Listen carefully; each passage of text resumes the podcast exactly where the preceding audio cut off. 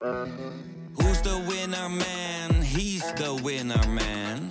Is hij miljonair? Geen idee, maar nou en. Je hebt geen jackpot nodig to be a winner man. Oh oké, dat is wel lekker man. Daar komt het schot van Van der Kuilen. Nou, nou. Een goal, geloof ik. Ja, een goal. Dan is hij door het net heen gegaan. Wat geeft de scheidsrechter? Het leek alsof die bal zat. En de PSV'ers lopen nu naar het doel toe om te laten zien dat er een gat in het net zit. Van Van der Doelen 2-1. Het is misschien wel de populairste voetballer in Eindhoven. Malen en vijf, vijf keer Doniel Malen. Een unieke avond. En dan Jur van de Doelen. Van de Doelen. Wat een heerlijk afscheid voor hem. Geen Edström bij de eerste paal, geen Edström op de rand van het strafschopgebied. Andere oplossing voor PSV, welke krijgt? Willy van der Kerkhoff is daar. Willy van der Kamer is daar. 3-0. Ik heb mijn mond vol. Ja, we hebben chocolaatjes eh, vandaag. Ja, maar dit is een jubileum-editie. Jouw vrouw die wist dat. Tiende. Tiende, ja, dus die zat meteen chocolaatjes op tafel, hè? Waarop jij zei van ja, maar hallo, eh, eh, ik ben een man hoor. Ik hoef Nou, ze zei, ja, ik, El zei net, ja, je zet ook nooit iets op tafel. Ik zei, nee, ja, ik ben een man. Ik, ik, de mannen vrou- vrouwen doen toch grapjes op tafel zetten? Nou, Of is dit vrouwenvriendelijk? Luister toch geen vrouwen naar deze podcast, denk ik, of wel? dat weet ik geen idee. Ja. Toen ik woonde in, in Deventer, woonde ik ehm, eh, tegenover Dick Snijder. Jou wel bekend, Dick Snijder, knakkie.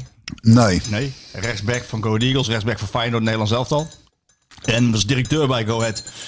En die kwam bij mij op bezoek. Daar woonde ik recht tegenover. Er zat 10 meter tussen. En eh, ik was druk. En ik zei tegen mijn vrouw van... eh, joh, je moet even wat halen, want we krijgen vanavond visite. En, en ik kom thuis. En ik zeg van... Nou, huis komen zo. Heb je wat in huis? En ze had, had wat in huis gehaald. Wat, wat nootjes.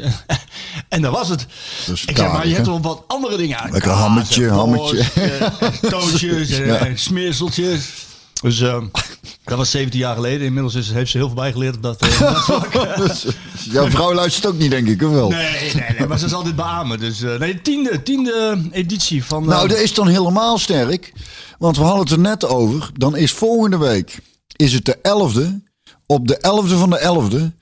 En gaan wij hier om 11 over 11 beginnen. En dan trekken we een fles port open. Want ja, dat is carnaval, hè? heel goed. Heel En goed. aangezien we dus niks eh, kunnen vieren nu, dan, eh, dan gaan we maar thuis eh, lekker zitten tutteren. hè. dus ik moet met de trein. De 11e op de 11e van de 11e om 11 over. Ja, dan, dan kunnen we het station is hier vlakbij, jongen. Dus Een bijzonder momentje, hè? Ja, dat kan toch geen toeval zijn? Nee, de 11e editie. 11e of de 11e. 11 over 11 Ik beginnen. kijk heel erg uit naar hoe het einde van die podcast. eh ik gaat het allemaal een stukje trager, denk ik. Ik hoop dat er nog wat zinnigs uitkomt. dan. Ja, ja, nou, er komt sowieso al niet veel zinnings uit, hè? En dat we niet te veel mensen schofferen. Nee, dat is, dat sowieso niet. Hey, ik wou toch beginnen met wat eh, trieste nieuws. ehm Ja, Thijs Legers. ja, ik schrok ervan. Ik zag het op, eh, op zijn Instagram, eh, zijn post. En, ik, en, en, en tegelijkertijd, eh, hoe raar het ook klinkt, was het bijna weer een geruststellend gevoel. De manier waarop hij het postte. Hij is.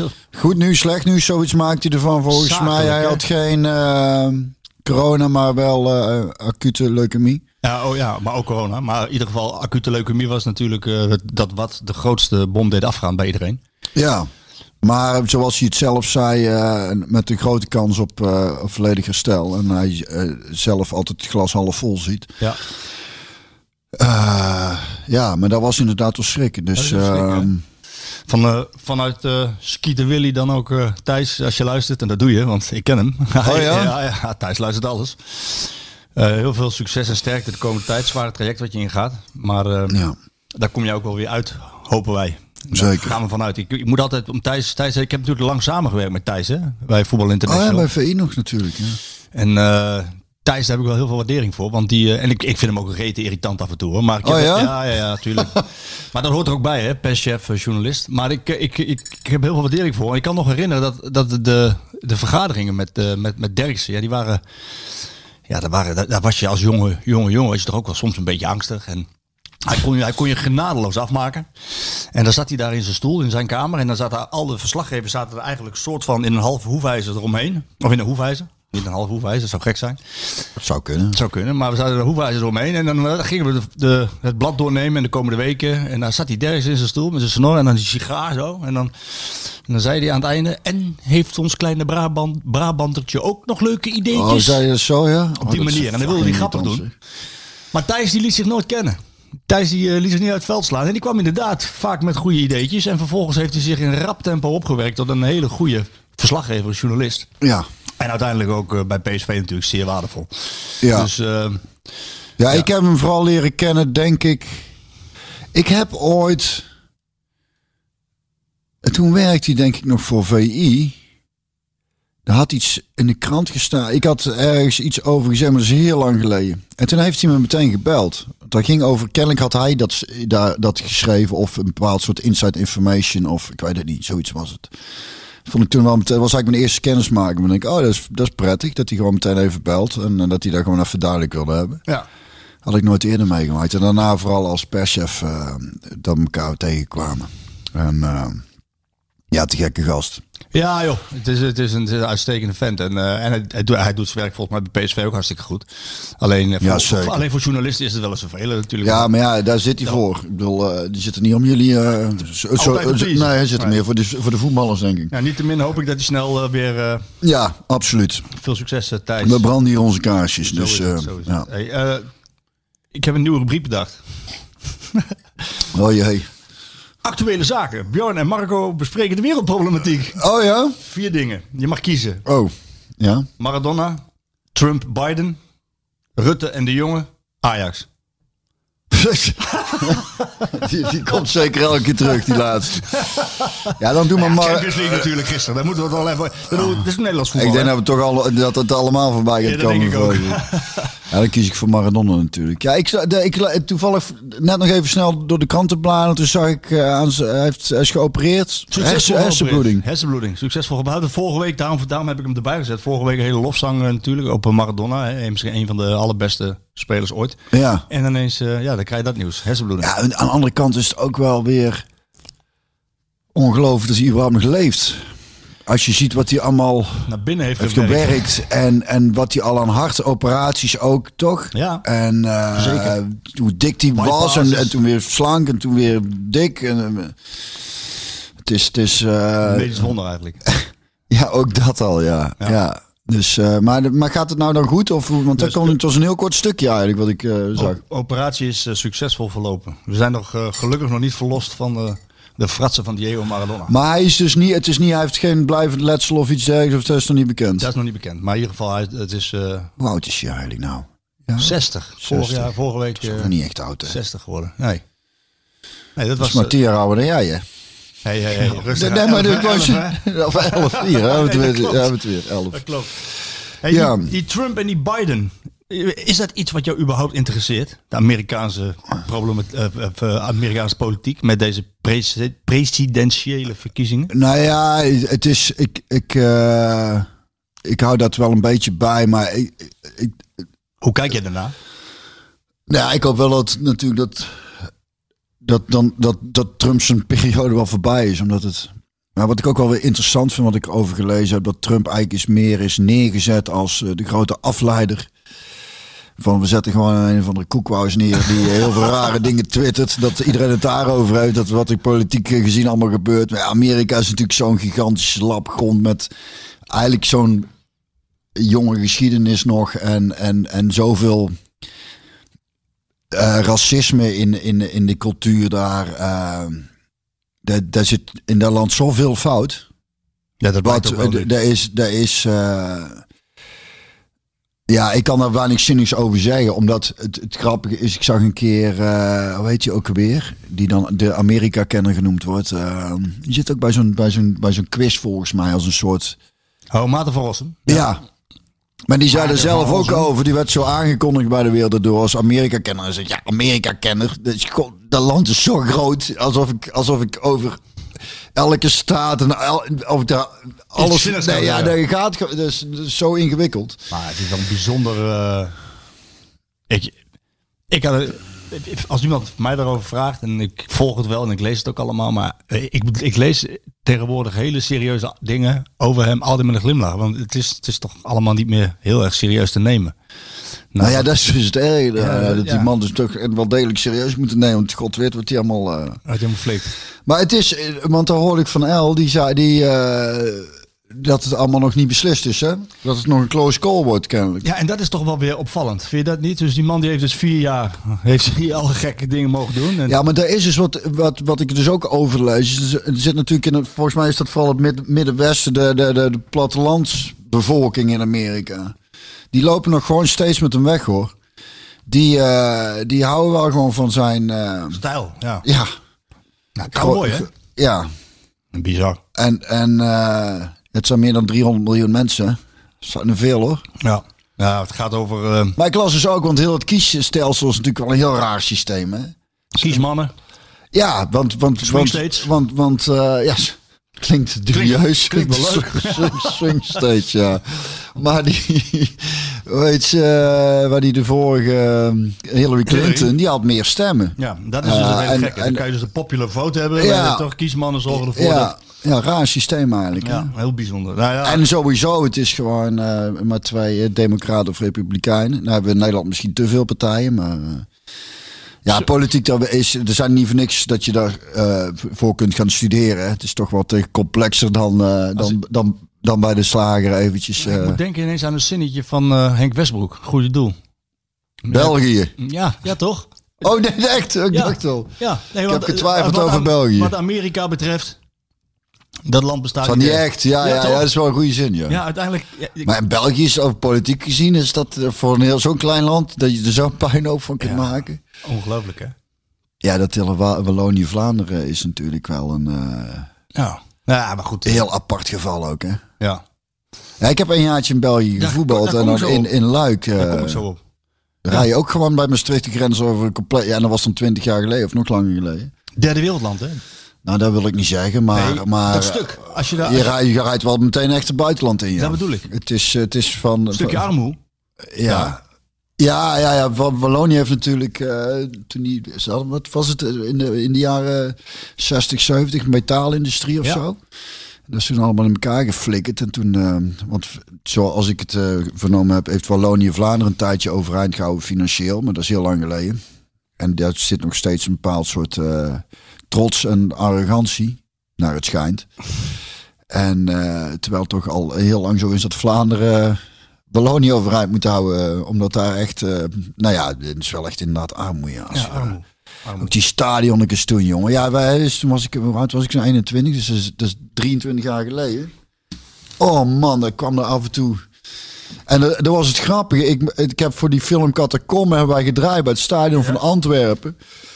En dat was exact 20 jaar nadat ik bij eh Luik had gespeeld.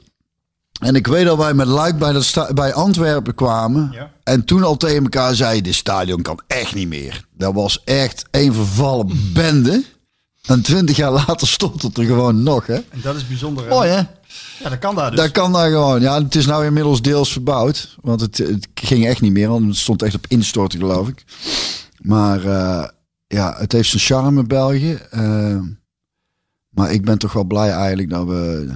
Ik, ik ben van de Nederlandse... ja, ordnung zou ik bijna willen zeggen. Maar dat is dan weer heel Duits. maar we, zitten, we schuren daar wel dicht tegenaan, hè? Zeker bij PSV. eh. Ja, zeker. zeker met PSV en Nou, ik, daar had maar daar eens een over vraag, te- ik had daar een vraag over. Ik kan niet zo snel vinden over jouw tijd bij Standard Luik. De, de, vraagsteller zal ik straks nog even noemen als ik hem kan vinden. Maar die, eh, die vraagt wat je eigenlijk vindt van de Beneliga. Omdat jij natuurlijk goed kan vergelijken uit jouw tijd met Ja, dat is 23 jaar geleden. In hoeverre kan ik dat nog Ja, vergelijken? maar zou het wat zijn? Nederland, ik, ik heb er ook wel een mening over, maar ik vraag het aan jou. Beneliga, Nederland, eh, Belgische clubs. Ik ben sowieso een vrij conservatieve lul, weet je. Ik hou dingen graag bij zoals... eh, te, Bij- bij- ja, bij- zoals bij het oude. Ja. Ja, ik ben er niet zo voorstander van eigenlijk. Volgens mij was Harry Verrij toch ook al een van de eerste. ja, die, nee, eh, zeker. dus dan zal het toch wel een goed idee zijn, want ik ben een groot Harry fan. Nou, wat vind jij ervan? Jij bent er ook niet voor, Ja, denk nee, ik. hè? Nee, ik ben er helemaal niet voor zelfs. Omdat ehm, eh, de reden is dat we dan met onze grotere clubs beter zouden kunnen concurreren in Europa. Nou, dat vind ik een slechte reden. Eh, ik vind dat we onze eigen competitie zo goed en sterk moeten maken. Dat eh, A, het geld eerlijker verdeeld wordt. Zodat eh, de, de clubs beter beleid kunnen voeren. En daardoor langer betere, goede spelers vast kunnen houden. Waardoor ze zelf beter Ja, worden. maar is dat nog te, denk je dat dat nog te realiseren Nee, ik is? zeg niet dat we die inhaalslag eh, met, eh, de- met Europa... Met Dat niet meer Die gebeuren? gaan we niet meer maken. Maar moeten we dan samen gaan met België om het wel te proberen? Ik vind Ik denk hè, dat de enige manier zou zijn om het Europees gezien nog recht te trekken. En dan moet je heel eh, resoluut, eh, resolute maatregelen gaan nemen. En dat gaat natuurlijk nooit gebeuren. Maar dan moet je een internationaal salarisplafond hebben. Ja. Van 1 miljoen pond per jaar. En laat een het aantal maximaal buitenlanders bij een club. Ja, dat was vroeger nog. Dat was vroeger. Eh, dat, je dat, dat scheelt al inderdaad heel veel. Ja, hou je goede spelers hier. Ja, Maar ik zie wel een kentering hoor. Want als je ziet wat, wat er bij eh Ajax... ah, Nou, nou, kijk naar PSV. Die kan dan Gutsen halen. Philip Max, die komen naar Nederland toe. In plaats van dat ze naar een andere club in Duitsland gaan. Bij Ajax komt Tadic terug. Blind komt terug. Huntelaar. eh, nu Davy Klaassen. Dus de eredivisie wordt wat, wat degelijk sterker. Maar voor mij zit hem ook in de charme van... eh, wedstrijden. Voor, ik kan me nog herinneren, twee jaar geleden verloor PSV uit bij Willem II met 5-0. Eh, vorig jaar had Ajax het, uh, Ajax het gigantisch moeilijk in Waalwijk. RKC moest eigenlijk winnen. Ajax won maar net met 0-1. Ik bedoel, tuurlijk wordt Ajax sterker, wordt PSV sterker, winnen ze makkelijk wedstrijden. Komen we zo meteen nog op PSV ADO 4-0. Op halve kracht, hè, want ADO deed niks. Ehm, maar onze Eredivisie is toch leuk. Ik bedoel, ja, is toch leuk genoeg. Daar hoeven we toch niet eh te ja, vind ik ook. Dat hoeft, voor mij de- zeker niet, nee. En je moet het er niet aan denken, je met FC Groningen uit naar, eh, nou wellicht er helemaal, eh, wat is het in België, Zuid-West-België. Dan zit je godverdomme vijf uur in de auto of in de bus. Nou, nou, en de kijkers zitten niet op te wachten. Nee, daar is het ook wel. Eh, eh, snap je? Ik heb daar geen gevoel bij. ik heb al heel Ik weinig gevoel bij. Groningen Heerenveen. Vind ik wel leuk. Ja, dan nog net. Maar eh je hebt denk ik ook weinig gevoel toch bij Volendam tegen Telstar. Rode of Nee. Telstar of zo. Dat is, je, denk je toch ook niet van, nou ga ik lekker met een bakje chips op de bank zitten. Wel? nou, als ik niks anders te doen heb. Ja, eh, Oké. Dan nou. wel. Ik heb wel, Maar goed. Ik heb wel een leuke Skieten Willy eh, Feit. gevonden. Die gaat over een, het was zeg maar een jaar of 18, 19. Dat gaat over een trip eh, naar Azië.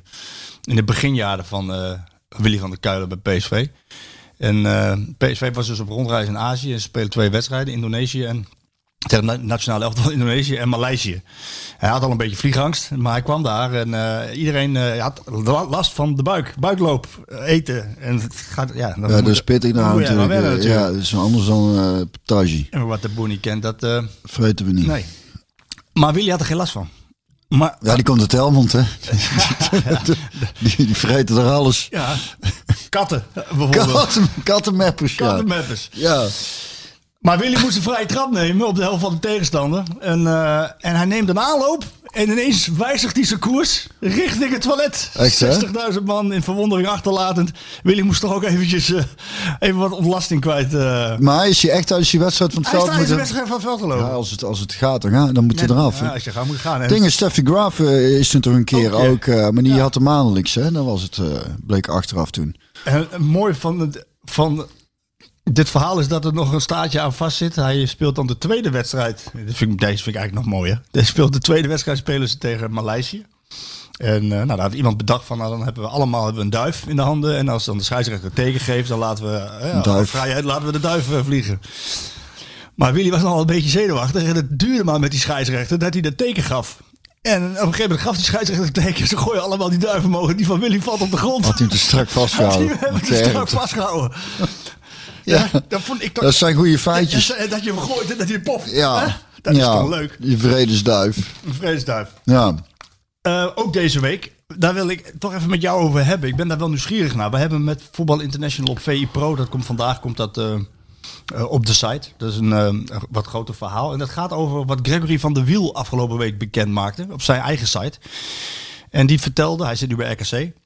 En die vertelde dus dat ja, hij toch wel in zijn carrière, eh, en nu nog steeds wel, hij is, hij is ermee bezig, last heeft van depressies. En, Serieus? ja, en, en paniekaanvallen. Tjee.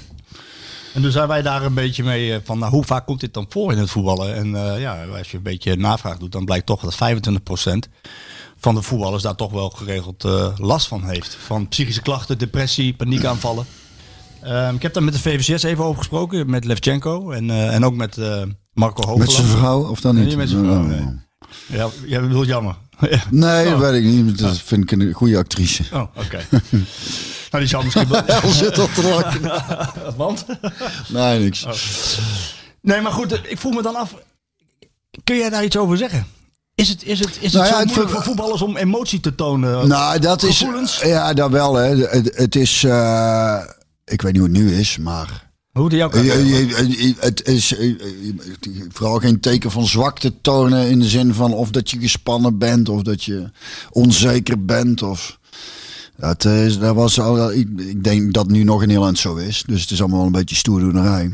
En dat was het leuk wat ik laatst vertelde dat als Va- Van Nistelrooy nu met jeugdspelers werkt dat hij er mooi aan vindt dus dat hij tegen die jongens kan zeggen ja ik was ook gewoon zenuwachtig hoor dat is helemaal niet erg dat is al natuurlijk heel wat, hè, als dan een, eh, Ja, zo'n grote grote speler speler. toegeeft van ja, maar ik, ik, eh, dat is gewoon normaal. Dat, eh, het is zaak is hoe je daarmee omgaat. Maar waarom is dat, Björn? Waarom kun je niet in de voetballerij je gevoelens tonen? Waarom wordt dat als een teken van zwakte gezien? ja, dat weet ik niet, maar het is een beetje zo'n mannending toch. Gewoon eh apenrotsen en... Is het ook gegroeid? Ik denk dat het vroeger nog veel, nog veel erger was. Ik denk dat nu juist, ook in de jeugd, dat er ruimte is voor eh, wat psycholoog. Psychologen was er ook altijd. Ik denk dat lachen voetballen is een gedaan. beetje de meest conservatieve sport is altijd geweest. Ja. Bij het hockey waren ze volgens mij al vroeg bezig met Mental psychologen, coaches, ja. mental coaches. En bij het voetbal moest niemand er iets van weten. Werd lacherig over gedaan, hè? Wat zeg je? Daar werd lacherig over gedaan. Ja, dat is allemaal, eh, allemaal niet nodig. Nee. Terwijl, terwijl we het er volgens mij ook al over hebben gehad. Dat ook die grote drie van Milaan, eh eh Gullit Rijkaard en eh, Van Basten toch ook wel met die Ted Troost eh, Autonoom, ja. liepen. Terwijl met name zo'n Gullit voor mij toch wel overkwam als iemand die, eh, die totaal in- geen spanning kende. We hebben trouwens to- toevallig van het weekend eh, andere tijden sport heet dat volgens mij over het Nederlands elftal in 1990. Heb je, heb je daar wel eens teruggekeken? Want toen Ja, waren ze dus Europees kampioen geworden en toen ging, dat, ging daar van alles fout. Nou ja, en wat was- heel komisch vond ik, ik vind Gullit dan in die interviews ook heel grappig. Ja? Die weet ook, oh ja, heb ik dat toen gezegd? Oh ja, is dat toen gebeurd? Ja, weet hij. Ja, weet ik. Nou ja, maar sowieso is het natuurlijk 30 jaar geleden. Maar, eh, Maar nee, maar dat was inderdaad het eh, WK. Thijs Liebrechts die, die, die had zich gekwalificeerd.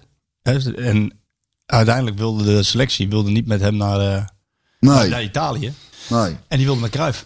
Ja, En die hebben bij, toen was, eh Michels was toen technische adviseur. maar ja, toen bleek Michels zijn ego toch weer iets te groot. Die denkt, oh wacht eens even, ik ben net Europees kampioen geworden. Ze zult toch niet meemaken dat hij daar wereldkampioen wordt met... eh, Exact. Ja, dat is toch wel En- erg eigenlijk. En hè? toen is Leo Beenhakker gegaan. Maar ja, die, die, ja, die dacht ook, wat moet ik, wat moet ik met deze situatie Ja, dat volgens ging mij? helemaal niet goed. Ging helemaal niet goed. En uiteindelijk, en dat vind ik dan wel, en dat vind ik dan wel weer het leuke, dat is, dat is de beroemde verhuisdoos 13, hè, waar, waar, waar, waar, waar, waar Beenhakker het altijd over heeft. Het WK 1990 zit dan in een verhuisdoos 13 en die gaat nooit meer open. Oh ja? Hij heeft wel eens gezegd dat die open zou gaan, maar eh, wat daar allemaal gebeurd is, eh, ik denk dat het topje van de ijsberg inmiddels wel eh, genoegzaam bekend is bij iedereen. Maar wat daar uit, ja, uiteindelijk Oh, allemaal... hoort ze dat niet, hè? Nee, wat daar Maar hoe kwamen we hier nou te Nou sprake? ja, omdat ook de grote drie wel eens last Oh hebben. ja, ja, van spanning en eh, ja, en, maar de, Ga en, van? depressies. Ja, toen ik heel, vooral als je jong bent, als je eh, 18 bent en de- dan was ik een dag voor een wedstrijd wel en ik wist dat ik moest spelen, dus was ik een dag van tevoren wel al zenuwachtig. En ik zal je ook zeggen dat we ook vaak zaten hoor, op de bank, want daar heb ik heel veel gezeten ook. Maar dat dan dan dan eh, dan liep het niet. En dan, zag, en dan kwam de trainer zo een keer naar voren. En dan keek je zo rechts naast zich wie, wie die allemaal had zitten. Van wie kan ik inbrengen. En Dat, dat, met, met vijf man tegelijk zo onderuit zakt om buiten beeld te blijven. En ik, laat mij maar lekker zitten. Dat gebeurde ook hoor. Gewoon om de onzekerheid, spanning. Van nou, dan doe ik, eh, als ik niet meedoe, dan kan ik niks fout doen. Dat, dat, dat gebeurde ook gewoon. En pas later en daardoor.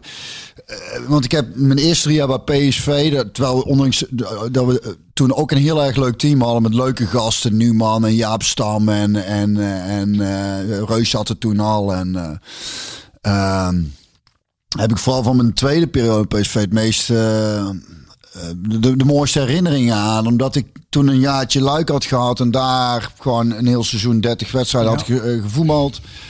En wat zekerder van mezelf was geworden. En toen kwam ik bij PSV terug. En dan heb je nog steeds voor een wedstrijd wel wat spanning. Maar er is wat. eh, je kunt het gewoon beter. Je kunt er veel beter van genieten. En. eh, Je bent meer lokker, zoals de Duitsers nou ja, op een gegeven moment heb je dus wel zin in. Want ik, ik begon toen. eh, bij Robs in instantie ook weer als, als bankzitter. En uiteindelijk heb ik dat seizoen nog heel veel gespeeld. Daarna het seizoen met Gerards ook meer als twaalfde man. Maar dan heb je wel zo zin af en toe als het niet loopt van nou flikker me er maar in. Ja. Want dan begin je weer wat zekerder te voelen. Dus dan heb je er, dan kun je er veel meer. eh, Maar ik ken ook echt wel spelers die gewoon voor iedere wedstrijd stonden te kotsen hè, van de Ja? spanning. En eh, ja, dat weet ik niet of de, misschien vindt diegene helemaal niet prettig als ik dat zeg. Dus eh, jongen bij Twente was dat destijds. En Maar zo, ehm, zo, ja, ja. zoveel spanning. Ja. Ja, ik heb ook wel verhalen gehoord over. eh, en daar staan eh, de pers en supporters ook wel eens niet. eh, Of die vergeten dat wel eens gewoon.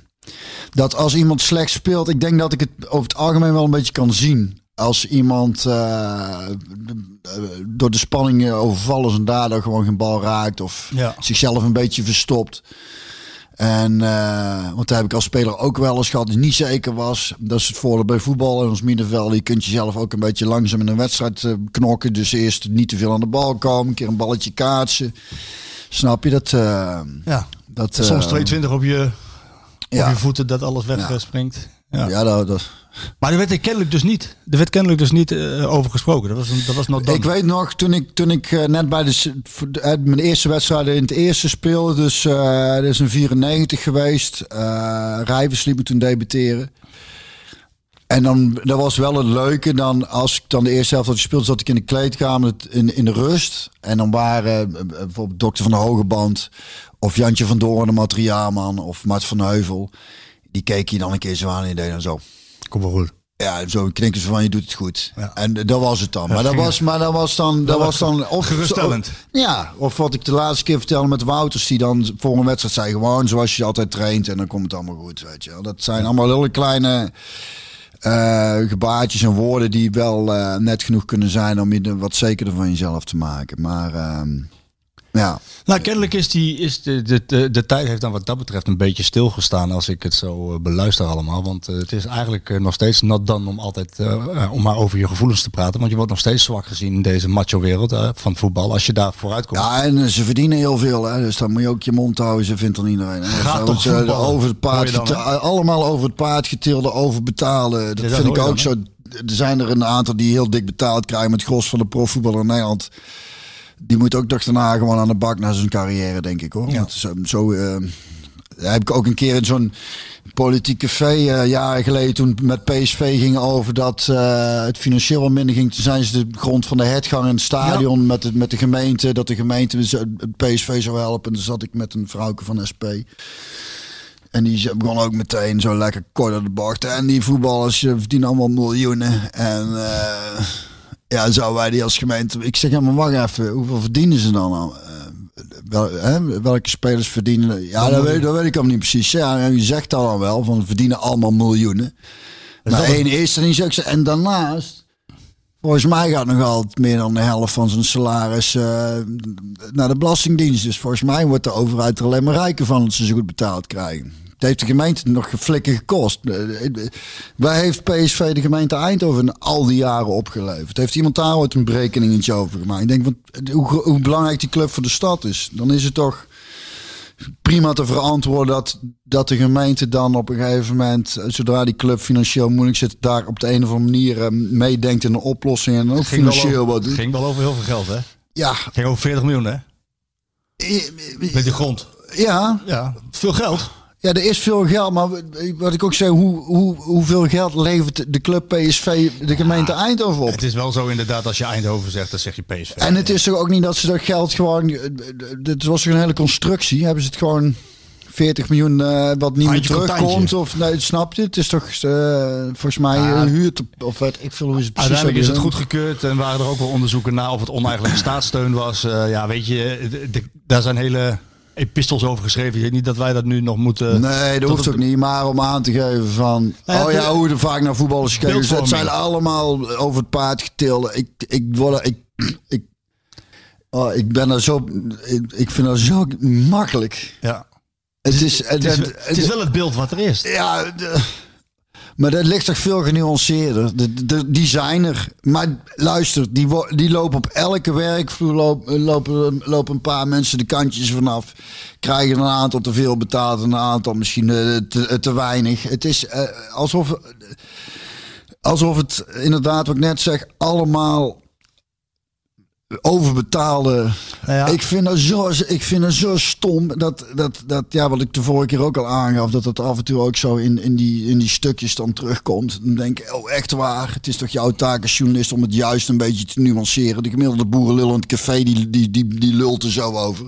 Maar jij bent toch journalist om dat, om dat dan een beetje te nuanceren. Ja. Ga je er niet in mee? Allemaal, daar, zijn, daar zijn ze weer de over, de paard, over het paard getilde, Duurbetaalde- miljonairs. En ze moeten niet zeiken en ze moeten gewoon doen wat Werken ze gezegd wordt. geld. Werken voor je geld zoals iedere andere Nederlander werkt voor zijn geld. Ja, allemaal. Iedereen werkt hard. Ja. Behalve, behalve de voetballers. Ja, ja, de- kijk, het pro- probleem is denk ik daarbij dat als je dus die beeldvorming hebt, dat dat ook legitimeert dat En iedereen mag ook een burn-out hebben natuurlijk. Maar voetballers niet, want die Nee. krijgen zoveel betaald, die moeten gewoon niet zeiken. Nou, Nou, en door social media bijvoorbeeld, hè, is het dus eh, d- dit soort gedachten, gedachten legitimeert dus van dan gaan we er ook maar eens even met gestrekt been in continu. Ja, ja, En, ja. dat, en dat, daar hebben de jonge jongens toch wel last van. eh. maar ik ook ja, met een, ik snap. En, en, Heb jij eens is- hulp gezocht bij een mental coach? Nee, maar ik had het. Ik had. eh, eh, een, een, v- een vriend van ons vader en zijn moeder, die, eh, want ik speelde vanaf mijn tien in de jeugd van PSV. En we hadden het toevallig net over, hè, van, dat ik nooit, jij zegt van hè, kaasje lekker, als je Ja. kaasje pakt, maar ik moet dan op mijn gewicht letten. Ik zei, ja, dat heb ik, ik heb nooit op mijn gewicht moeten letten. Sterker nog, ik heb er wel op moeten letten, maar net andersom. Ik moest heel veel eten om op gewicht te blijven. En een vriend van ons, ons vader en zijn moeder, die heeft op een gegeven moment... wij speelden toen met PSV tegen mijn oude amateurclub tegen G, Den Bosch. En eh, hij was daar verzorger. En hij zag mij toen en toen zei hij tegen ons pap, dus mam, hij is wel erg magertjes. En ik at gewoon normaal zoals een kind van, eh, hoe oud was ik toen? Eh ja, of 13, 14, oud. Maar gezien wat ik allemaal trainde en school en alles bij, had ik gewoon meer nodig. Dus ze heeft toen een voedingsschema voor mij in elkaar gefietst. En dan stond ik 's ochtends om 6 uur op. Ging ik eerst mijn krachtoefeningen doen. Dan ging onze moeder mijn ontbijt klaarmaken. Dus ons mam, hè, die stond dan ook netjes om zes uur op een spa. Was dan al naar de veiling. Waren er allemaal vroeg uit vroeger. En dan zat ik eh, drie kwartier kokhalzend eh, te eten. weg. eh, nou ja, ik moest zoveel eten om op gewicht te komen. En wat, en wat, wat, wat at je dan? Brood? Ik had, als ik het nog weet, een bak cornflakes met yoghurt, een bord Brinta-pap, zes sneden brood, een gekookt ei. En dan had ik ook nog, ja echt, ik weet het gewoon, een kop eh, of een glas jus, melk, een thee. En ik zat dus op een gegeven moment, en toen ben ik in twee weken tijd, ik weet niet hoeveel kilo aangekomen. ook. Toen voelde ik me ook meteen steeds sterk. Maar die heeft mijn voeding altijd gecontroleerd. Maar hij was, van beroep was hij eh, psycholoog. Dus ik ging daar dan eens in de zoveel tijd Dan heen kletsen. Om over de, dan nam je mijn gewicht op en de lengte en eh, hoe ik me dan hè, als jonge speler ontwikkelde. Maar die heeft me wel altijd. eh, ja, uiteindelijk ging ik er meer heen om met hem even te lullen over hoe het allemaal ging. En, eh, maar dat is toch wel lekker dat je zo dat, is, ja, dat was heel prettig. Ja. En ehm, Dus geen taboe meer moet het zijn. Hè? Dat- is het ook al steeds minder. Want elke, elke zichzelf respecterende eh, club die heeft wel een eh, mental coach of een psycholoog, sportpsycholoog in dienst. Eh, er wordt al veel aan gedaan. Maar we hoeven er toch niet meer lachen over te doen. Het lichaam en nee, geest nee, is toch... en, en, en, en precies. En het is, ook, het is ook best. Het is ook heel lastig voor ouders. Hè, als een kind in de jeugdopleiding komt, heel zijn gezin draait om zo'n om zo'n kind. En ouders weten ook niet altijd precies hoe ze zo'n jongen dan moeten begeleiden. moeten begeleiden. Moet ik hard voor hem zijn? Niet, het is allemaal, het is allemaal stiekem wel lastiger dan je denkt. Maar goed, het is fijn dat daar wel, eh, daar zit wel eh, een hoop ontwikkeling in. En, en er is aandacht voor. En dan ook eh, Gregory van der Wiel eh, de, de, de, de, de, de, de veren en de credits geven dat hij de guts heeft gehad om het openbaar te maken. Ja, het is het verbazend. Ik heb, heb jij er al iets ooit eens een keer eerder Nee, voetballers hij heeft dat wel na een carrière, hè? Nou, dat, ja. daar hoor je wel veel. Ja, nou kan je, maar ook wel. Kijk, ik sprak met Levchenko. Die vertelde mij eh, gisteren dat, dat hij heel veel met voetballers, oud-voetballers heeft gesproken. Die ook zeiden van ja, ik heb tijdens mijn carrière ook depressie gehad. En, en, en ik stond ook wel stijf van de spanning. En Ik zou je ook zeggen, toen ik eh, stopte met voetbal, toen ik dat bekend had gemaakt, toen was ik 28. En eh, hoeveel jongens ook toen tegen mij zeiden, ja, ik zou eigenlijk ook al willen stoppen, maar ik heb geen idee wat ik moet gaan doen. ja, hè, Of een speler van PSV, ik zal zijn naam ook maar niet noemen, die zei, ah, en die was toen nog, die was 21 geloof ik. Ah, ik wil ook liefst stoppen. Ik zei, ja jongen, ik kan nog wel even een paar jaar door. echt hè? Ja, Ja, kennelijk is mensen dus, verbazen zich daar soms over, maar eh dat is... je moet het ook allemaal maar kunnen, kunnen handelen. Zo'n wat zo'n Iataren allemaal over zich heen heeft gekregen. Dat moet je allemaal maar kunnen handelen ook hè? Ja. Gelukkig ging hij er zelf met een kwinkslag mee om. Maar dit is ook weer een voorbeeld van een jongen. Ja, die, die zit in ontwikkeling. En, en dat gaat niet altijd even goed. Ja, ja dan, dan ko- komt hij aan. Ja, eh, weet je wat ik vooral ik ook de vorige keer over had, wat ik vooral vind is, hè, dan hebben we het en dan kun je zeggen, ja, hè, ze verdienen zoveel of, eh, maar het is uiteindelijk, en dan heb ik al een paar keer gezegd, toch gewoon een manneke van 18. En ik denk dan vooral voor wat ik de vorige keer zei van mensen van onze leeftijd. Natuurlijk mag je daar op een bepaalde manier kritisch over zijn. Maar vanaf welke leeftijd is dat? Want als ze 14 zijn, zo, als ik naar het voetbal van, van onze oudste zoon ga, dan ik, ik kan er onmogelijk op oplopen kaffen. Nee, ja, als het niet goed is, niet goed. Maar ik denk, ja, maar moet ik nou... Hè, wat ik volgens mij ook de vorige keer zei... eh, ik wil gewoon voor hem dat hij, dat hij lekker voetbalt. Ja, en als je zegt, nou, toen was het, ja, ja, dan is hij zelf niet om tevreden. Ja, heb toch ook dingen goed gedaan. Je wilt toch gewoon dat, dat uw kind met je, eh, dat hij er plezier in heeft en niet te veel bezig is met of dingen wel of niet zo goed lukken. Maar ik vind dan, en dat is natuurlijk, zo, hè, bij een salaris hoort dan ook weer een verantwoordelijkheid. En het is ook wel zo. Maar vergeet vooral niet hoe je zelf was toen je 18 was. Weet je Nee, wel. het daarom. gros stond er godverdomme nog gewoon op de middelbare school. eh, stiekem een sigaretje te roken of eh, een meidje te versieren. Of eh, nog geen idee wat ze met hun leven zouden gaan doen. Überhaupt. En deze jongens En staan die- voor en die 30.000 geven- man. eh, nou ja, precies. En dan gaan we dan nu, ga je daar dan over oordelen. Ja, het zijn allemaal volwassen kerels. Ja, volwassen kerels flikken toch op. Nee. Kennelijk, kennelijk is dus Gregory ook niet, eh, staat niet alleen. En ik hoop, Nee. dat, ik hoop dat het eh, op de agenda blijft. Ehm, over Iataren gesproken. eh, hij vertoont echt tekenen van herstel. Hij, hij, wordt, hij wordt beter. Hij werkt, ik heb die wedstrijd gezien tegen de... Ammonia Nicosia. Ja, dat was, daar wil ik het wel even over hebben. Ik wil er wel een paar dingen over Ja, nee, zeggen. we- we zaten de vorige keer zaten we in een. ik dacht van ja, ik tref jou aan als een zielig hoopje. Want PSV had verloren twee keer. maar dat viel heel erg, erg- ik viel heel erg ik laat mee. mijn humeur niet zo heel erg bepalen door Nee, eh, maar nu door hebben ze twee keer gewonnen. Hè? Dus ze wonnen van uh, Omonia en Nicosia en ze wonnen van ADO Den Haag. Daar gaan we het allebei wel even over hebben. En ook nog in de aanloop naar PAOK Saloniki. Goed nieuws van Pablo Rosario. Die kan weer meedoen. Die Kijk. is toegevoegd. Desondanks heeft PSV op papier nog steeds maar vier verdedigers. Waarvan één jeugdspeler. Ik wil over die dingen zeggen, die eh, wedstrijd tegen de Cyprioten. Cyprioten. Ook daar zijn dingen veranderd, want het, het viel mij op dat die Cyprioten ook behoorlijk pressie aan het spelen waren. Eh, de, de- bij een ploeg uit Cyprus denk ik toch nog terug aan, aan de jaren tachtig, dat dat over het algemeen kettingrokende semi-profs die smiddags nog aan het werk waren en dan eh, iets te zwaar inzakken en die dan maar 8-0 van een veld afrollen. Maar die tijden zijn ook al voorbij. Ja, hè? Dus die speelden wel aardig presje. Alleen, en dat is helemaal leuk om achteraf dan te zeggen. Op een gegeven moment zei ik tegen hey, ze beginnen moeten worden. Dan kan PSV wel eens... eh eh, daar kan het verschil wel eens worden gemaakt. Zoals er vroeger over de Duitsers werden gezegd, werd gezegd dat ze altijd geluk hadden om in de eindfase van een wedstrijd te wonnen. Je kunt op een gegeven moment ook gaan denken, misschien hebben ze toch gewoon een iets betere conditie, waardoor ze uiteindelijk nog beslissend kunnen zijn op het einde van de wedstrijd. En die cultuur is inmiddels wel door eh, ontwikkeld, want eh, eh, PSV ook, PSV gewoon dat- erg fit. Afgelopen jaren deden ze dat vaker, hè? De laatste minuten scoren, dus heel Dat fit. dat- Ja. dat is, geen toeval dan, hè? Ehm, maar ik vond... laat ik eerst even nog een keer over Hendricks iets zeggen. Wat Ja. is dit? Waar Oh. komt hij binnen? Komt, komt, komt hier binnen. Komt die post binnen op jouw naam? Op mijn naam. Ik moet toch godverdomme niet gek worden? Jij ook. Eén van mij, één van jou. PSV. Vanuit PSV. Dat is Komt wel hier- lief van Komt PSV. hier, komt hier een boek binnen. Oh, dan hebben ze gewoon Ah, het grote vooruit nu rood-witte quizboek. Oh, dan doen we daar ook een vraagje uit. Dat is wel leuk. ja, maar dat wordt fantastisch. Er staat ook een begeleidend briefje in, of niet? Nee, hè?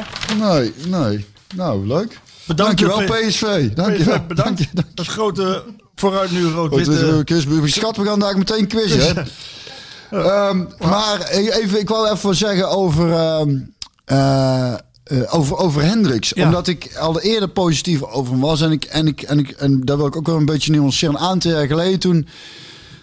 Toen was hij volgens mij nog een van de belangrijkste middenvelders van PSV. Ja. En toen dacht ik, toen dacht ik ook, oké, dat geeft ook wel aan hoe inderdaad, waar we het laatst over hadden, hoe het, de Nederlandse competitie is ontwikkeld. Omdat we voorheen bepalende spelers op middenveld hadden van kaliber Cocu, Wouters, Jonk, ehm, Van Bommel.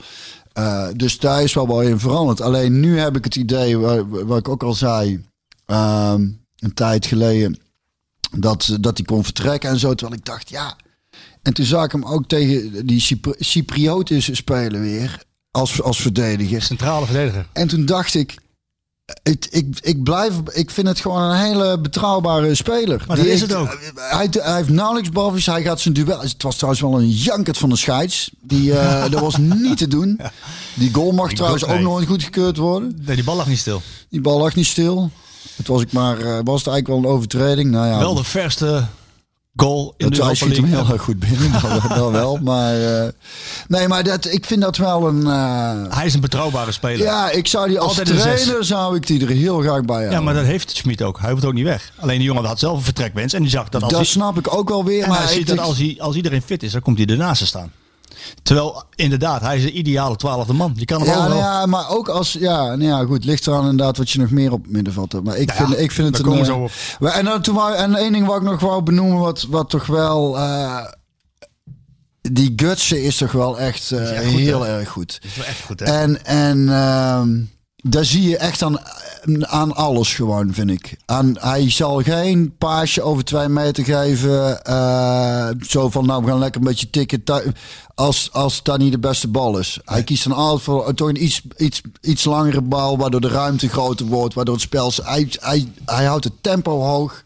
Super creatief. Elke aanname is lekker. Het is echt verschrikkelijk goed. Hij is echt verschrikkelijk goed, nu al. Ja, En hij zonder, zonder dat ik dat wil overdrijven. Want ik ben er ook vaak wel waakzaam voor. Als iemand eenmaal goed gevonden wordt. Oh, dan vind ik ook alles fantastisch aan die speler. Maar het viel me echt op dat ik dacht... Ja, daar, is, daar straalt wel echt de klasse vanaf. En je hebt, ik heb nou een paar wedstrijden En ik zou... Sorry dat ik onderbreek. Maar dan wou ik echt heel... Dat ik ook zei...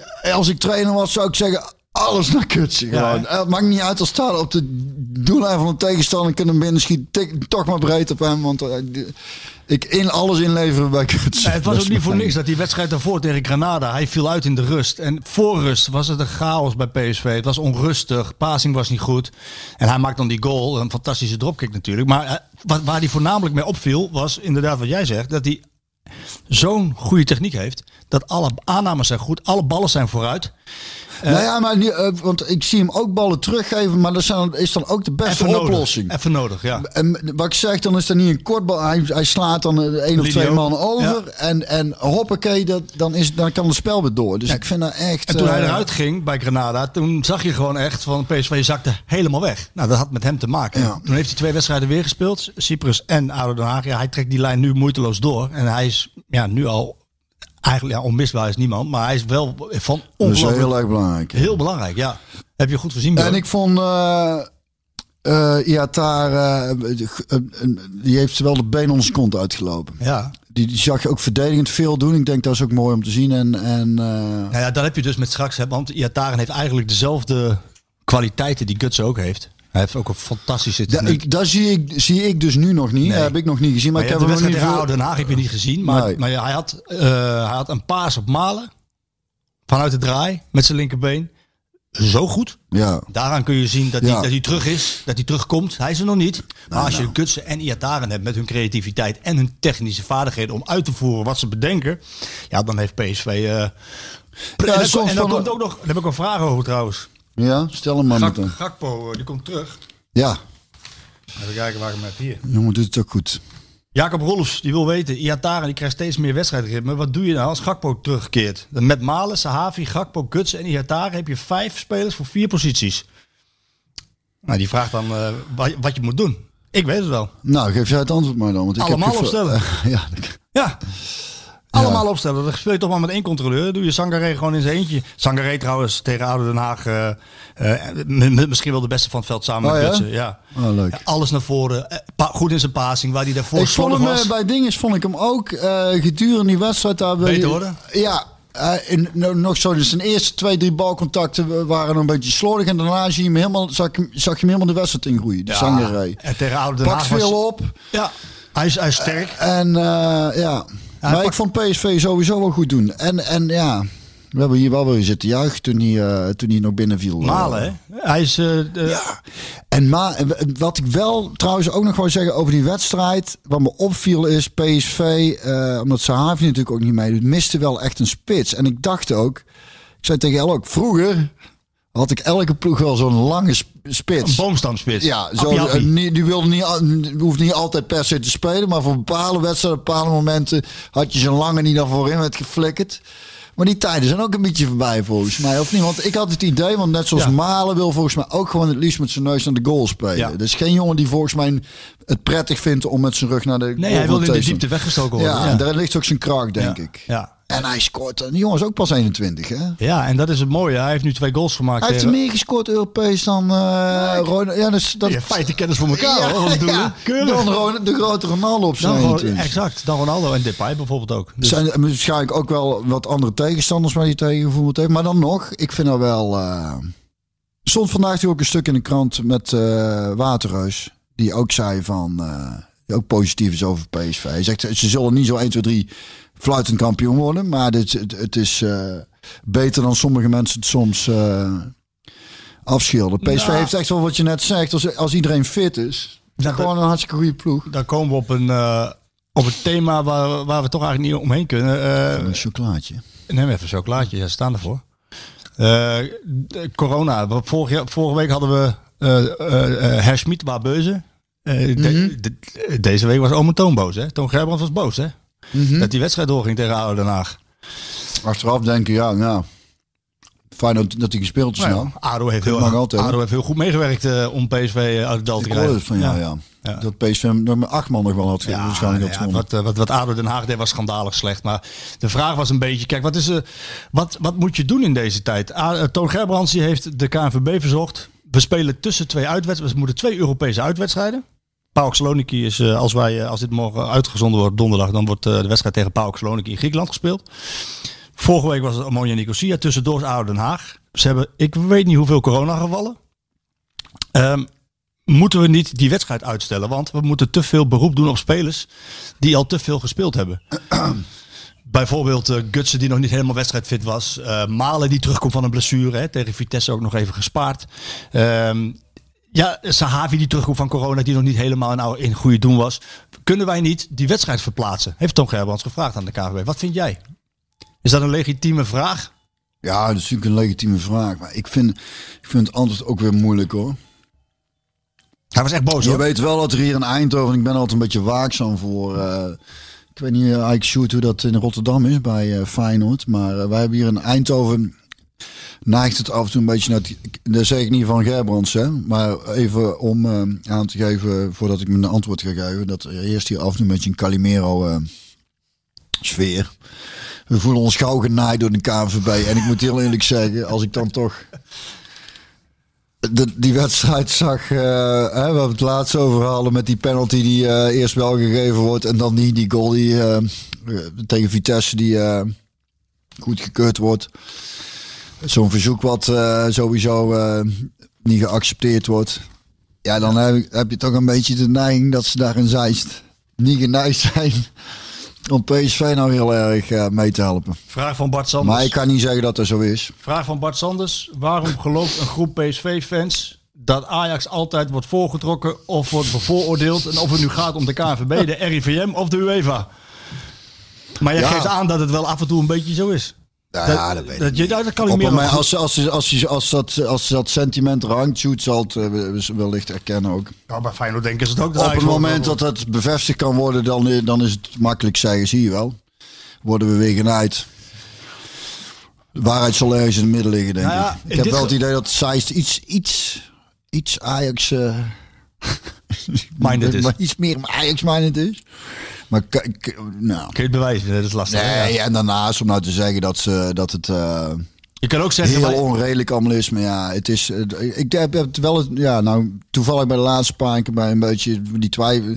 Het kwartje valt niet in de kans voor PSV op, laat ik het zo zeggen. Nee, je, maar je kan ook eh, er op, een, eh, op twee manieren naar kijken. Kijk, wat Toon Gerbrand zegt, daar is eigenlijk geen spel tussen te krijgen. Ze moeten het steeds doen met minder jongens door corona. En op de jongens die dan wel in het veld staan, waarvan sommigen net terugkomen van blessure of niet wedstrijd fit zijn, ja, die worden overbelast.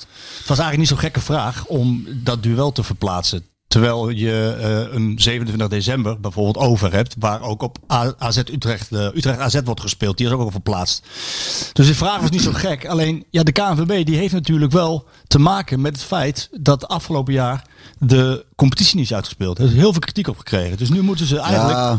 nu moet die competitie uitgespeeld worden. Ja. En als PSV genoeg spelers heeft, dan, dan moet je gewoon voetballen. En Ja, dus eigenlijk, het is ook, het is ook, wat dat betreft inderdaad.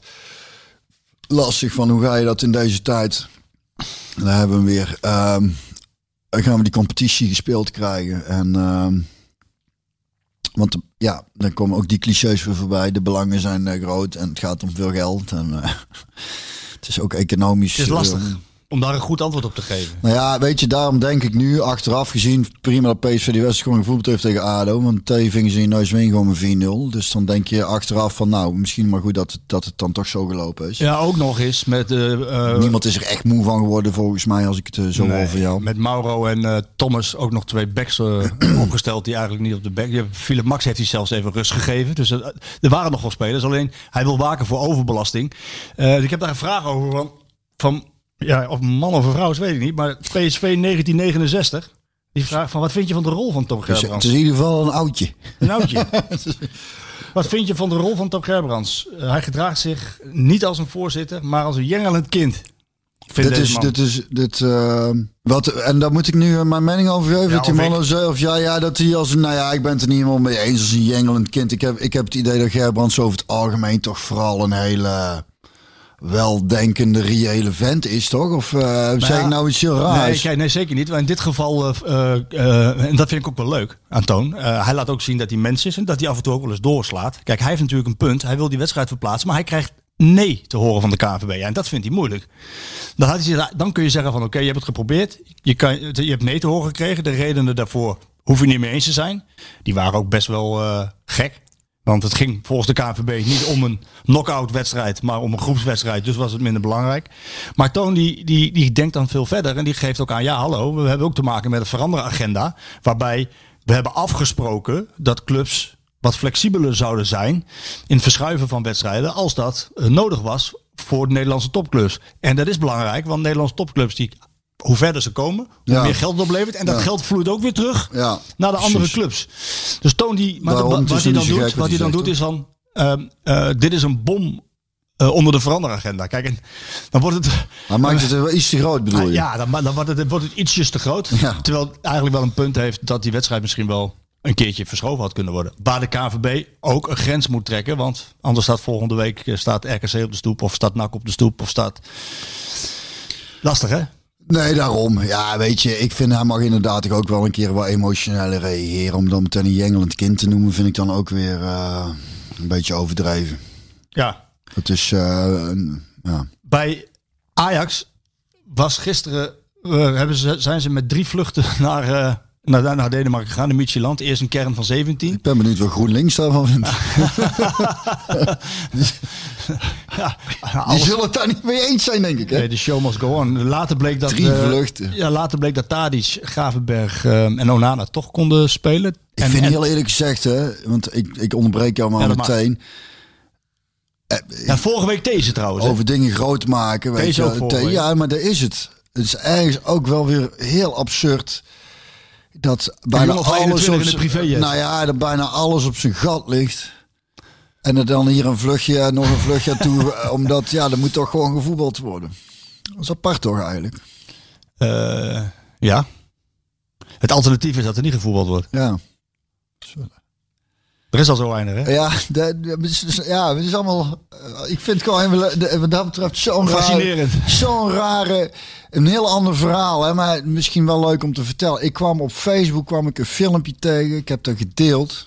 Eh, ik zit je op Facebook of niet? Ja. Moeten wij misschien eh, vrienden worden? Gezellig. Ja, zou wel leuk zijn. Nou, kan. Maar ehm, ik kwam een filmpje tegen. Er stond een eh, Beatles coverbandje, de Beatles heette ze kennelijk. En Volgens mij in de, in de eh, noem je het, eh, metro van New York te spelen. Die oude Beatles liedjes. En er stonden heel veel mensen omheen. Die stonden allemaal mee te zingen en te dansen. En, en dan dan, daar, ik kreeg gewoon tranen van in mijn ogen van, van omdat ik dat zo mooi vind om te zien. En zeker dat nu ik, dat ik denk, ik liet ook zien en die had hetzelfde. Ik zei dat je ook gewoon weer zin krijgt inderdaad om weer eens naar een bandje te gaan kijken. Snap je? Of wat muziek doet. Mensen bij zo'n metro die staan te dansen en mee te z- Het is, het is zo, ik vind dat zo mooi. Goede vibes. Ja. Ja, en dat is en daarom snap ik ook. Kijk, dat voetbal is natuurlijk ook eh Voor- een voor- stuk emotie, maar dat gaat dan ook weer veel geld. Maar het geld is eigenlijk ook wel weer voor muziek, weet je wel. Maar daar genieten ook miljoenen mensen van. Ja, precies. Dus het eerste keer moet je ja, doe maar niet. Want het is inderdaad, mensen... En je merkt het, hè, depressies lig- liggen op de loer. Want er wel, eh, lees je er ook weer dingen over. Dat er nou weer meer eh, depressies zijn. En, eh, Dat, dat, dat is natuurlijk ook zo. ja, Natuurlijk maar... ehm, Maar dan om met maar goed, om aan te geven hoe, hoe, hoe, hoe we sommige dingen, want ik heb, heb er zelf ook de neiging toe hoor. En dan om te zeggen, ja, het is uiteindelijk maar muziek of het is uiteindelijk maar voetbal. Maar aan de andere kant zie je ook hoeveel het mensen brengt en hoeveel het doet. En hoeveel, eh, ik vind het ook wel weer... eh, Ja, ik had een interview met Jan Terlouw. Jan Terlouw, ja? Jan Terlouw die woont bij ons eh, Van, eh, van eh, D66. ja, en, de, en de kinderen. Ja, Ja.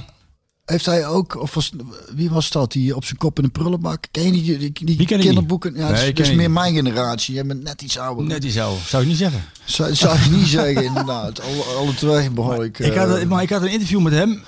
Ik had een interview. ik- Hij, had, hij, heeft, hij houdt ook van voetballen. En dat wist ik niet. Dat kreeg ik te horen. En dan ging, kon ik hem interviewen. En, eh, maar dat, dat, hij was een groot pleitbezorger van laat het, dit, dit rare kabinet, laat het voetballen alsjeblieft doorgaan. Dit was tijdens de eerste Oh, corona, ja? coronagolf. Laat alsjeblieft het voetballen doorgaan. En toen hij had het er ook over dat eh, ja, toch, toch meer huiselijk geweld op de loer lag. ja, dat, dat ja. Mannen- Mensen, mensen meer mannen, mannen moeten willen, kunnen juichen. Mannen, En anders zwaait er wat. testosteron moet eruit. Testosteron moet er naar het stadion. Bier zuipen, Ja. godverdomme. Ja, ja. Ja, huiselijk geweld. Daar heb ik toen ook wel. Maar dat zat, eh, kwam meer volgens mij met iedereen bij elkaar op de lip zat eh, thuis.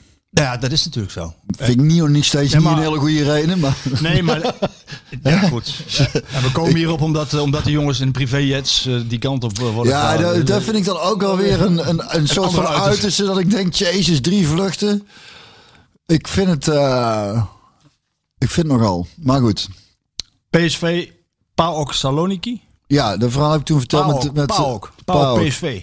Niet de PSV, PAOK, PAOK PSV is het morgen. Ja. Makkie. ja, is dat zo? Ja. Denk je niet? Nou ja, ik zeg niet meer makkie. Of ik heb er sowieso, zeg ik er eigenlijk nooit. Maar ik heb één keer eh, aangegeven. Ik dacht van nou, moeten ze wel winnen. En, toen, en die verloren ze toen. Of wat was het? Tegen wie was dat ik weer? Granada. Ja. Dus ehm, Ja, het is natuurlijk geen makkie, want het is natuurlijk eh, uitwedstrijd weer. Je, je, je, ze maar ja, zonder publiek, dat scheelt wel. Want het is daar eh, normaal gesproken een heksenketel. Ik denk als je maar geen heksenketel zegt. Ja, een heksenketel. heksenketel. Is wel zo, hè? Ja, nou, nou niet hè. Maar nou niet, hè? Nee, nou is het lekker rustig. Ja.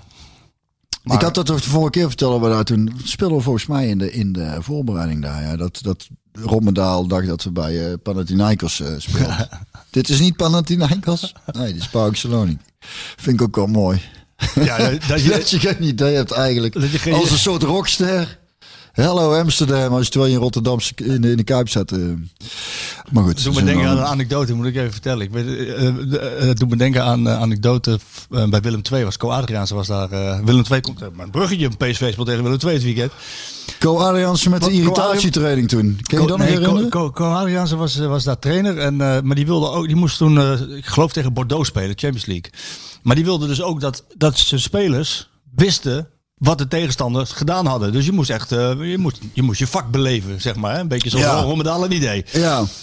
En, ehm, en die stond dan eh, voor de groep. En eh, dan sprak hij, ik, ik geloof dat het, was het Mohamed Silla? Ik weet het niet. Maar hij vroeg aan een speler van, hoeveel heeft Bordeaux gespeeld? Nou, Marco Hering achter de rug om van Adriaan zijn zo deed. 2-0, twee vingers omhoog, 0, 2-0. Waardoor die speler ook zei 2-0. Maar dat 4-0 gewonnen. Oh ja? Een totale andere, dat is dan de Wij voetbal. hebben het met Kees Slok toen die trainer was bij NEC. Toen moesten we voor de beker uit naar... eh, volgens mij, ja, weet ik veel, Dordrecht of zo. In ieder geval, die speelde eerste divisie en wij eredivisie. Ik weet niet eh, hoe het nou allemaal heet. To- nou ja, maakt niet uit. En toen zei Kees ook, wat is het doelsaldo van... Ja, ik noem maar Dordrecht. Ja, niemand had enig idee. En dat is belachelijk. Dit is je vak. Hier moet je mee bezig zijn. ik dacht, ja... Waar kan mij dat nou schelen? Maar hoe- hoezo? Als ze, als ze heel veel doelpunten voor hebben, moeten we dan beter gaan verdedigen? of hoe werkt zoiets? Het Maakt toch uiteindelijk een flikker uit wat doelsaldo van een tegenstander is? Nee, dat en ik uit. vind sowieso, als je een eredivisieclub bent, dan eh, moet je gewoon winnen van, nu zeg ik wel gewoon, maar Ja, goed. Wij, wij heb je eraan als je het doelsaldo weet van de tegenstander. Gezien de kwaliteiten die PSV heeft en ze komen toch wel eh, wat, wat, wat, wat, beter in vorm. Rosario die keert terug. Nou, waarschijnlijk zal ook Gakpo snel weer aansluiten.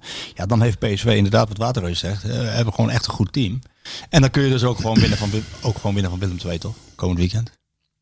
Ja, eh, zeker. Ja, tuurlijk. Maar ja, goed. Je weet met, met dit soort... eh, hier heb je altijd heel weinig aan mij. Bij deze van de stel. 4-0 zeg ik. 4-0 voor PSV. Eh, Dus, eh, nou, dan laten we hopen dat dat wordt. Dan eh, trekken wij woensdag misschien nog wel een tweede fles port open. De steller van eh, de, de vraag van de Beneliga was trouwens even Daams. Zijn naam is genoemd. Ehm, Daan Wijnberg die wil wat van jou weten. Als je moet kiezen. En je moet, hè? Je moet. Je, moet kiezen. je moet kiezen. Ja? Eigenlijk fascinerend. Eh, nooit meer gitaar spelen of zingen. Of nooit meer een Pilske of een Captain Morgan. Wat wordt het dan? Ellen begint te lachen. Ze weet het antwoord waarschijnlijk al. Ja. En ik moet kiezen. Je moet kiezen. Want anders... Ja, dan, dan zet ik wel een muziekje op tijdens de pilsje en ik heb het morgen. Ja? Laat de ander het maar doen. dat is misschien sowieso beter. maar een hele goede vraag. Dankjewel. Ehm, dit vind ik ook wel een leuke vraag. Ehm, Harvey de Noten Harvey de Noten. en Piet Vlieder. Of, of Vlierden. Nee, Vlierden.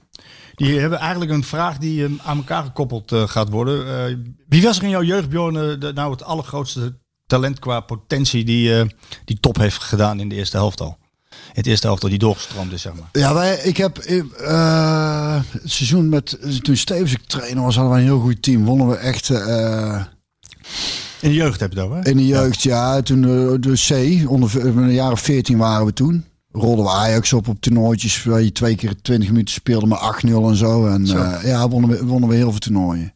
Hadden we echt een goed team. Maar daar liep Tommy van der Leegte rond. Ehm, even denken. Wie nog meer betaald voetbal hebben gehaald.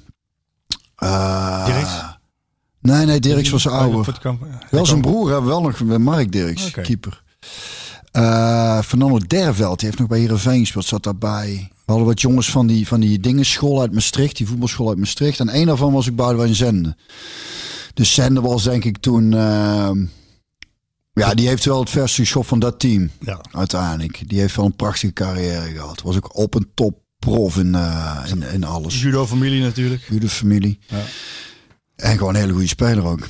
Duidelijk. Ja, dat kun je zien aan de clubs waar hij gezeten heeft. ja, Ehm, niet de minste. Piet Vlieder die vraagt daar eh, aan vast van, eh, ja, wat is dan het grootste talent dat het niet heeft waargemaakt? Want daar zijn er ook legio van natuurlijk. Hè, die in, de- als de jeugd, in de jeugd als grootste talent bestempeld worden en dan eh, uiteindelijk eh, ja, toch niet redden. Oh ja, Siri heeft wel antwoord, merk ik. Siri zegt, kan ik geen Eh, oh, dat is, dat is moeilijk, dat is moeilijk. Ehm,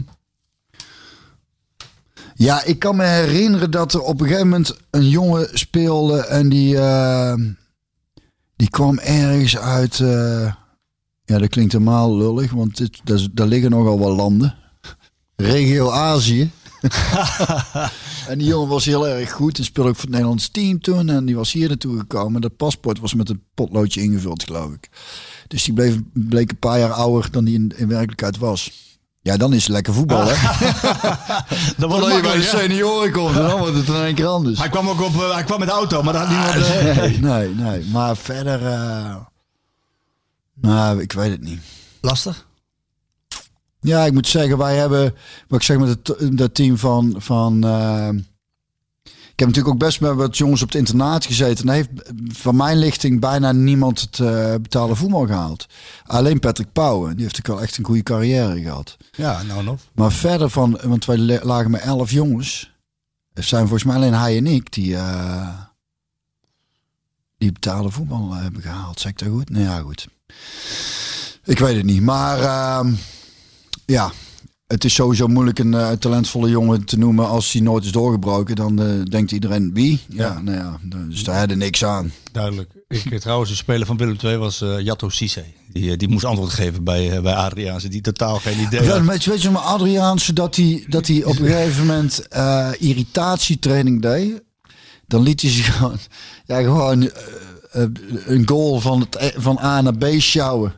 en weer terug. Ja, ja, ja, gewoon om te kijken, omdat ze zich dat ze dan eh, goed tegen irritante trainers konden of zo, ik weet het niet.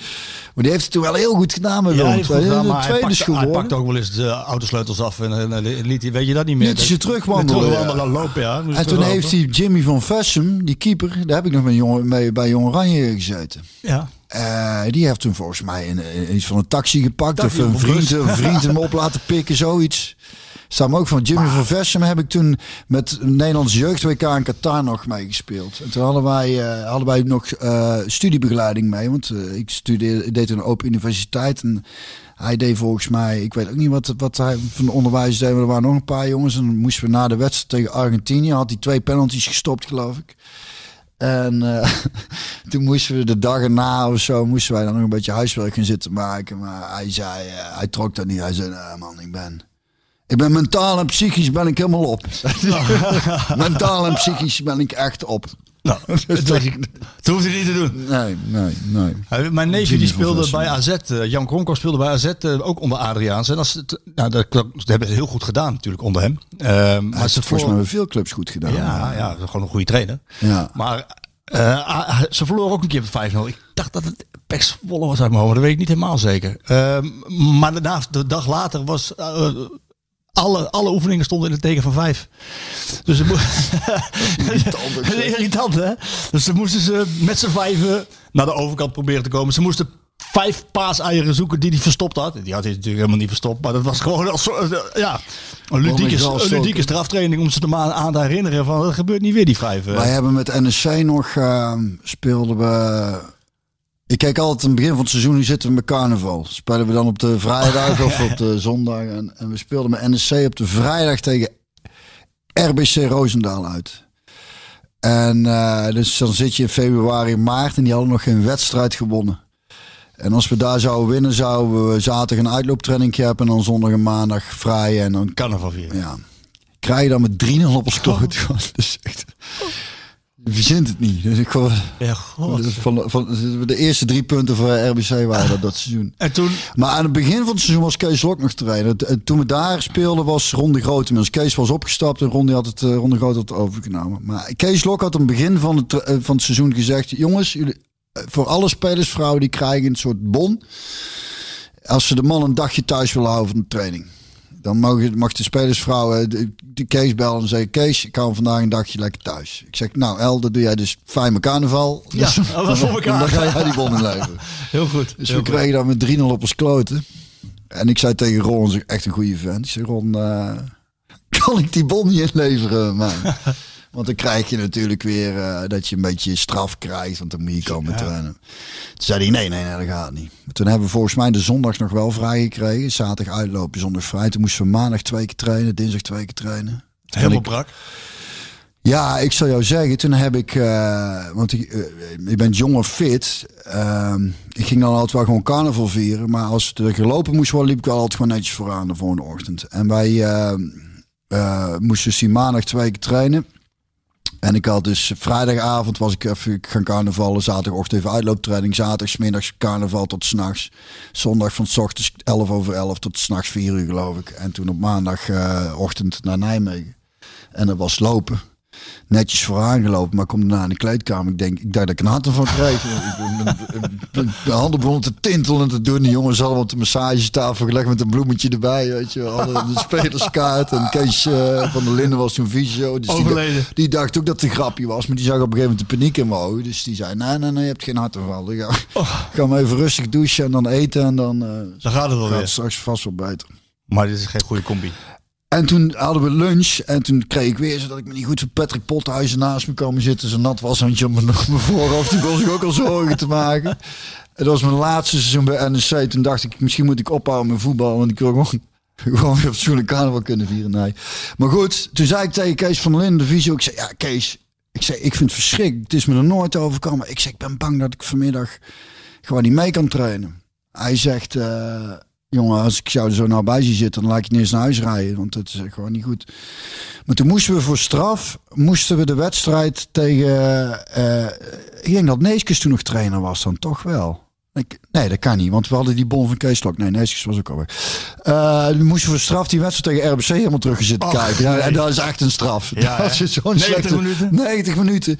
Maar omdat ik de, tijdens die, dat terugkijken van die wedstrijd, eh, de tijd verstreek, toen, eh, toen, toen voelde ik me alweer eh, een beetje opknappen. Dus ik zei tegen Kees van, eh, tape hem maar in en eh trainen. Hij zegt, weet je zeker? Ik zeg, ja, Kees kan het niet maken. Drie dagen carnaval vieren en dan niet mee trainen. Ik zeg, dat kan echt niet. Dus eh, toen gingen we allemaal een soort spelletjes doen. Boogpaasjes en, en die won ik toen ook nog allemaal. Maar toen heb ik wel, Ella zat toen hier klaar thuis om, eh, om weer te gaan carnavallen eh, die maandagmiddag. toen heb ik vanuit Nijmegen al gebeld, schat. dat gaat hem niet worden. We slaan hem even over, want ik moet morgen weer twee keer trainen. En Dat gaat me niet nog een keer ik ben geen machine. Nou, maar wel karakter dat je dan wel toch vooraan loopt. Ja, maar je moet toch, je moet, kunt hè? het toch ook niet maken om... eh, om eh, Een lapswans te zijn dan. nou ja, Eigenlijk heb je antwoord gegeven op de laatste vraag. Oh, Thijs. Meijzen. Thijs Meijzen die zegt, eh, Van der Leegte had het eh, afgelopen zaterdag, eh, of zondag, had hij het over de, de bende van vier. bende van drie was het eigenlijk. Nou, daar- Haalt hij de bende van vier? Ja, ik zit even te denken hoor. Nee, Eh, van de- drie. Van de Doelen, Leegte, Pothuizen. Nee, Pothuis hoorde daar niet bij. Het was van de leegte, de gier en... eh, De en, Gier, en, hè? en, De- eh, Misschien dat hij dan toch. Pothuizen erbij rekent of zo, ik weet het niet. ja, Maar goed, bende maar van wat zei hij erover? Nou, hij- vraagt, eh, dat weet ik niet. Maar Thijs Meijzen die heeft wat over gezegd, over de bende van vier bij NSM. Maar goed, het is een bende van drie. Heb jij daar nog een leuke anekdote over? Nou, het verhaal was, eh, dat kan ik nou wel vertellen ook. Het was de bende van drie bij FC Twente. En we hebben het een tijd terug over gehad. FC Twente wilde, eh, van, kreeg het nu, die nieuwe voorzitter en die wilde gewoon een beetje schoon gaan maken. En dus van, van, van de leegte, de gier en mij af sowieso. Wie was de voorzitter? Ja, die, die, die er uiteindelijk eh, zo'n puin op van heeft gemaakt. Ja, die kwam toen dat seizoen. Daarvoor Jopie. had je die andere nog, eh, een heel aardige vent. En toen kwam Munsterman en toen, toen eh, begon dat, ik zou de mieter een beetje. Toen hebben ze die bende van drie, nou ja, eigenlijk bedacht. Kijk, ik ben altijd ook in mijn PSV-tijd na wedstrijden op stap gegaan. En eh, ik heb wat dat betreft echt wel mijn, momenten gepakt. Maar ik heb ook altijd wel gewoon hard, netjes hard getraind. Dus ik, wat ik net zei, ik stond er wel gewoon de volgende ochtend en liep ik wel gewoon netjes vooraan. En met Twente was eigenlijk mijn, rustigste periode. Maar we hadden een wedstrijd gehad. En Pothuizen en de Gier die waren met z'n tweeën eh, doorgezakt. Ik was met eh, Tommy na die wedstrijd doorgezakt. Maar wij moesten de volgende ochtend wel trainen met de tweede. Maar ja, dat ging verder prima. En het probleem was... eh, Tom en ik lagen nog enigszins op tijd in ons nest. En, eh, en eh, waren ook trouwens keurig op tijd op de training. Wat ze later in de pers zeiden dat we te laat waren. Wat absoluut niet zo was, maar goed. En Pothuis had de dag ervoor wel gewoon met het eerste gespeeld. Wij hadden op de bank gezeten. Ik op de tribune zelfs. En die hier had ook niet gespeeld. Dus eh, Tommy en Jack en ik moesten met tweede trainen. Maar Pothuis en Gier, die hadden echt de hele nacht doorgehaald. Die, lagen, die hebben volgens mij niet eens geslapen. Maar die Pothuizen, die kwam binnen. En dan hadden we in de, in de spelersaal hadden we allemaal ballen liggen om handtekeningen op te zetten. Maar ja, die was nog gewoon half kachel. Dus die, die ging daar allemaal ballen staan omhalen en doen. En eh, die brak de halve zo af. En de elftalleider die zag dat en die dacht... Als die de gier is door, of die uh, Pothuis heeft doorgehaald, dan zullen de gieren van de leegte van Doelen ook wel bij zijn geweest. Terwijl, eh, wat trouwens ook nog eens zo was, ik ging, ik had zo'n beetje mijn eigen eh, vrienden hier in Eindhoven waar ik mee op stap ging. En Tommy had zijn eigen, dus wij gingen eigenlijk nooit, we gingen wel eens met het elftal op stap, maar nooit echt met z'n drieën, zoals dat omschreven is, de bende van drie. Wij zijn er nooit met z'n drieën op stap gegaan en echt een lulverhaal. Maar goed, dus toen was, ging het balletje rollen, die elftal leiden naar, naar die Van Rijken toe. Ja, die jongens zijn op stap geweest. Dus toen kwamen ze in één keer bij de training van de tweede langs het veld staan om te kijken hoe we deden. Nou ja, we deden verder prima, maar toen moesten we daarna weer bij de trainer langskomen. En, eh, en toen hebben ze gezegd van ja, die zijn, op, zijn dronken op de training verschenen. Wat, wat onzin was, dronken op de training verschenen. Ja, mis- misschien eh, Pothuizen. Die liep daarna ook nog allemaal zingend over het veld is ook een figuur ook. Maar goed, dat was ook degene die dus gewoon uiteindelijk de boel aan het schijten bracht. Waar die overal mee wegkwam. Omdat hij de dag ervoor gewoon eh, gespeeld had. En eh, bij ons is toen het gesodemieten be- begonnen. En toen hebben ze ook veel van die, van die, eh, van die lulverhalen. En dat is ook wat me vooral heel erg stoorde. Er, er, er werden... ehm, eh, wat dat betreft wel leuk is verteld. En wat, wat mij vooral stoorde is het, het beleid. En dat heb ik toen later ook wel eens aangegeven. Kijk, ehm, We waren keurig netjes op tijd. We hadden de avond ervoor wel gedronken, dus je bent minder fris dan normaal. Maar geloof me, en Kik van der Val heeft het toen ook destijds nog voor me opgenomen. Hij zei, ach man, vroeger gingen wij toch ook gewoon naar een wedstrijd op stap en een woondag trainen. En dan stonden soms kasten te kotsen langs het veld. Maar we gingen, weet je wel, oude stempel, eh.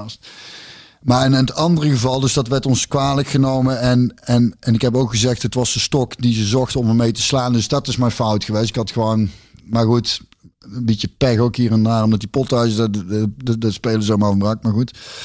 Uh, maar we hadden op een, een, een, een, een aantal weken of maanden later, ik weet niet eens meer precies of daarvoor nog, ik weet het niet. Maar Simon Tjommer speelde toen ook, maar die speelde veel. En die, die is toen later volgens mij uh, naar uh, dinges gegaan, naar Duitsland. Uh, hoe heet het ook alweer?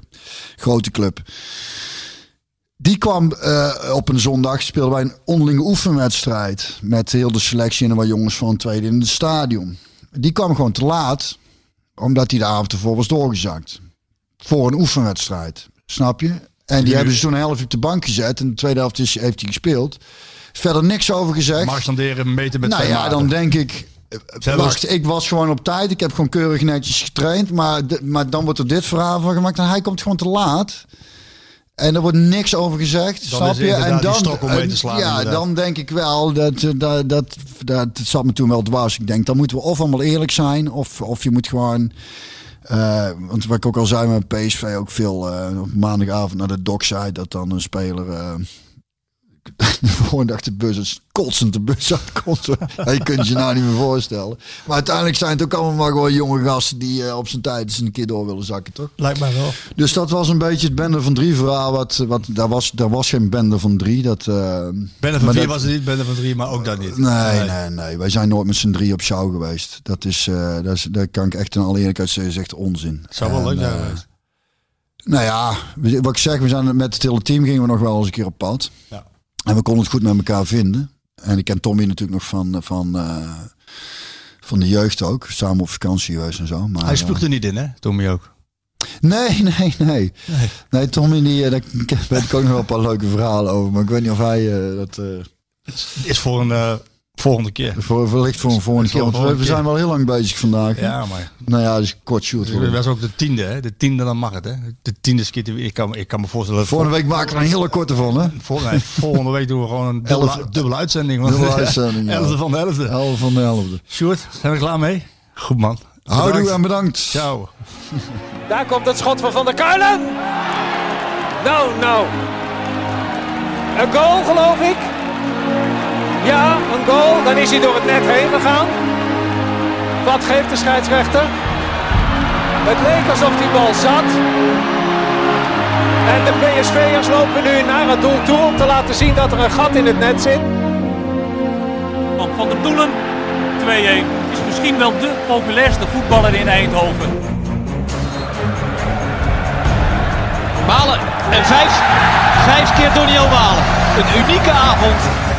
En dan Björn van de Doelen. Van de Doelen. Wat een heerlijk afscheid voor hem.